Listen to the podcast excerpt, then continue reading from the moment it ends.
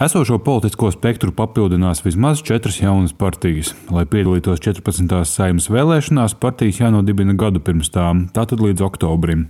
Gada sākumā Aldis Gobzems pieteica partiju likums un kārtība. Nesen partijas Latvija pirmajā vietā komandu pieteica politikas veterāns Ainārs Šlesers. Tuvu partijas republika nodibināšanai ir pērno saskaņas izslēgtais Vjačeslavs Dombrovskis. Sadarbības partners meklē brāļi Ģirģeni, kuru politikā iesoļoja no partijas KPVLV rindām. Vienlaikus ir jautājums par dažu esošo spēlētāju plāniem. Ko darīs partija par cilvēcīgu Latviju, kuras reitings jau sen ir tuvu nulē? Vēl nezinām ir Atazaka Tistovu vadītās piecu bijušo KPVLV deputātu grupas plāni. Šopavasar ar viņiem par sadarbību vienojās valdošās koalīcijas partneri. Viena no redzamākajām saimnes opozīcijas deputātēm, Jūlija Stepaņenko, izvēlēta par dibināšanas procesā esošās partijas Latvijas pirmajā vietā valdes priekšsēdētāju. Partijas pieteikumā asi kritizēta esošā valdība lēmumu Covid-19 krīzi risināt ar milzu aizņēmumiem, esot jālabo arī attiecības ar kaimiņu valstīm, ar to domājot austrumu virzienu.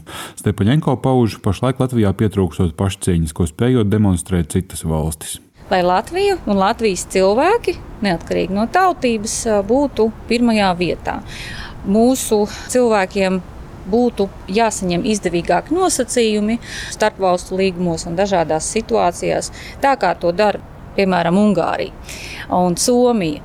Un šeit mums ir ļoti svarīgi arī sakārtot attiecības ar kaimiņu valstīm, lai tās būtu cieņpilnas Visos virzienos. Visos virzienos, mm -hmm. nezaudējot pašcieņu noteikti, bet uh, nezaudējot arī mūsu ekonomikā.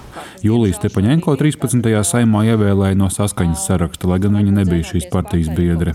Šogad paguva iestāties Alda Gobzem veidotajā partijā likums un kārtība, taču drīz to atstāja, nespējot ar viņu sadarboties.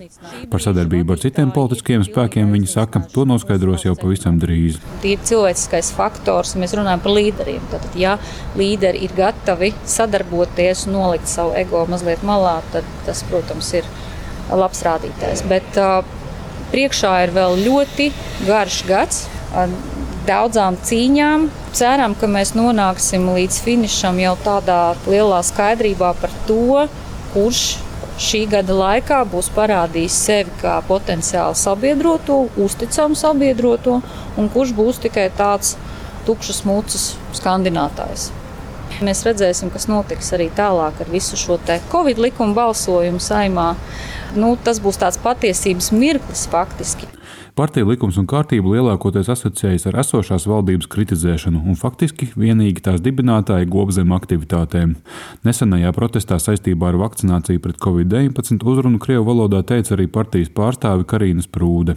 Citi partijas valdē ievēlētie ir plašākai publikai mazāk zināmi cilvēki. Latvijas radio nolēma par plāniem politikā aprunāties ar kādu no viņiem. Valsts ieņēmuma dienesta kādreizējā darbiniece juriste Marita Klikiča uz 13. saimu kandidēja no jaunās konservatīvās partijas rindām. Šobrīd viņi rosās arī viesmīlības biznesā. Iesaistoties politikā, plāno pievērsties uzņēmējiem draudzīgākai nodokļu politikai un investīciju veicināšanai. Visi vēlās maksāt nodokļus, un neviens nevēlas slēpties no valsts un iedzīvoties krimināla procesālās nepatikšanās. Daudziem tas ir izdzīvošanas jautājums, un, un tieši maziem uzņēmumiem, tieši uzņēmumiem, kas sāk savu darbību. Mēs redzam polijas piemēru, kur ir ļoti labvēlīga politika jaundibinātiem uzņēmiem. Līdz ar to jā, gribētos arī šeit, lai jaunieši neskatītos pāri robežai, bet lai jaunieši redzētu šeit iespējas. Un te pašā laikā, ja mēs būsim draudzīgi pret saviem uzņēmējiem, arī investors sāks atkal lūkoties uz Latvijas pusi, jā. nevis skatīsies Lietuvas vai Igaunijas virzienā. Saimnes deputāts Vjačeslavs Dombrovskis savulaik sev pieteica politikā Zatlera reformu partijā, kuru likvidējot vairāki biedri iestājās partijā vienotība. Pirms trīs gadiem Dombrovskis bija saskaņas premjera amata kandidāts, bet vēlāk konfliktu dēļ no tās tika izslēgts. Savu mērķi politikā viņš ir saglabājis - novākt sarkanās līnijas dažādu ideoloģisku virzienu dēļ. Lai to īstenotu, drīz uz biedrības bāzes dibinās partiju republiku republika, ar ko cer uzrunāt visplašāko elektorātu. Dombrovskis komentē, ka viņa prāta valdība un saima pārāk aizrāvusies ar no ārpuses, piemēram, no Briseles, dotu norādījumu izpildīšanu. Pašu vairāk diriģēta valsts attīstības vīzija mazinātu atpalicību. Cilvēkiem patīk eh, norādīt uz to, ka esmu mainījis kaut kādas dažas partijas, bet es patiesībā tāds savus uzskatus neesmu mainījis. Pirmā vietā vienmēr ir bijusi ekonomikas attīstība, valsts attīstība.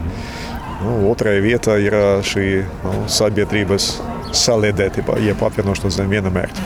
Mums ir šis diezgan konkrēts redzējums, kas jādara, lai mēs četru gadu laikā varētu apsteigt Lietuvu, lai pēc četriem gadiem vidējais atalgojums valstī būtu 2000 eiro, vai pēc astoņiem gadiem mēs varētu apsteigt Igauniju, un pēc 20 gadiem arī apsteigt Zviedriju. Tas ir iespējams noliekot malā tautības jautājumus, LGBT jautājumus, un kas tur vēl ar ko tiek pateikts spēlēties daudziem politiķiem. Dombrovskis pagaidām atturas atklāt topošās partijas republika komandas aprises. Tajā būšot gan akadēmiskās vides, gan kādreizēji augstākās ierēdniecības pārstāvji un uzņēmēji. Mērķis ir pulcēt vairākus tūkstošus biedru. Pašlaik gan grūti prognozēt, cik ļoti jaunveidojamajai partijai veiksies pievilināt krieviski runājošos vēlētājus, par kuru balsīm cīnīsies arī partijas saskaņa un Latvijas Krievu savienība. Par nolūkiem politikā pagaidām diezgan vispārīgi runā bijušais iekšlietu ministrs Sandis Girģens, kurš kopā ar brāli Kasparu izstājās no par cilvēcīgu Latviju un veidošot savu partiju. Tā nebūšot pret līdzinējo valsts kursu un likšot lietā līdzinējo pieredzi valdības un saimas darbā. Mēs nepiekrītam, ka viss ir slikti un nenākam nodedzināt pilsētu vai valsti vai būvēt kaut ko jaunu bet tiešām piedāvāt uh, zināšanas, redziet, pēc mūsu jau iesāktiem darbiem, tūlīt uzsāksies valsts ugunsdzēsības glābšanas dienas depo būvniecība. Ja, Intrigas uzturēšanā ģirģents piebilda, ka jau drīz gaidām paziņojumi par sadarbības partneriem, kas spēcināšot topošo partiju, nebūšot darīšanas ne ar Šlesaru, ne Gobzemu. Nē, es kategoriski noraidu, mums nav ne tieši, ne netieši sakaru ar Šlesaru Gobzemu, neesam nekāda satelīta organizācija. Nu, jāsaka, ka arī no mums esošā varas elite baidās. Nu, tāpēc, ka mums ir stingrs mugurkauls, mēs nelaipojam, cenšamies, lai visi lēmumi būtu atklāti, izskaidroti, Topošā kandidātu buķete veidojas pietiekami raiba, tomēr, kā atgādina Tirgus un sabiedriskās domas pētījuma centra SKDS vadītājs Arnis Kaktiņš, jaunas partijas Latvijā cītīgi dibina pirms katrām saimas vēlēšanām. To nosaka ne tikai politiķu ambīcijas, arī aptaujās nolasāma politikai sekojošās sabiedrības daļas vēlme sagaidīt kaut ko jaunu, skaidro Kaktiņš. Jau ilgstoši, jau cik es sev atceros, tas pieprasījums pēc pārmaiņām ir bijis ļoti, ļoti liels. Un no tā, ka viņš ir liels, diemžēl par laimi neizriet, ka šīs jaunās partijas automātiski iegūst ļoti labu rezultātu. Jo tāpēc, ka lielākā daļa vēlētāju jau, lai nu, kā brīžiem mums pašiem tā nešķistu, domājot par citiem, nu nav jau gluži, gluži aitas, vai ne? Tur redz, ok, kas tie tādi, tos es nezinu, šitos es nezinu. Nu, šitie kaut kādi ērmi. Nu, skaidrs, ka šitiem jau arī var, nevar uzticēt, vai ne? Nu, un tad kaut kādā brīdī tu varbūt skaties uz tiem saucamiem vecajiem, liekot pēdiņās. Mēs redzam, ka arī tādas nosacītas vecās partijas jau tur mutē un transformējās un cenšas kaut kaut kādā veidā radīt priekšstatu, ka viņi, ir kaut kas jauns un svaigs. Un šis ir konteksts, kādās katrās tekošajās vēlēšanās veidojās vēlēšana rezultāts. Pēc Arņa Kaktiņa teiktā, līdzinējo ikmēneša aptauju dati liecina par partijas likumus un kārtību iespējām tikt ievēlētiem. Tāpat daļa aptaujāto pauduši gatavību balsot par Šlesera komandas sarakstu. Detalizētāk jaunveidoto politisko spēku izredzes sociologi pētīs jau tuvākajos mēnešos. Tāpat ir jautājums, kurš būs lielāks zaudētājs Gobzem un Šlesera cīņā par vēlētājiem jo viņu elektorāts visnotaļ pārklājas. Vienlaikus nevar par zemu novērtēt arī valdošajā koalīcijā esošo partiju pozīcijas, lai arī Covid-19 krīzē lēmumu pieņemšana brīžiem bijusi haotiska un neskaidra.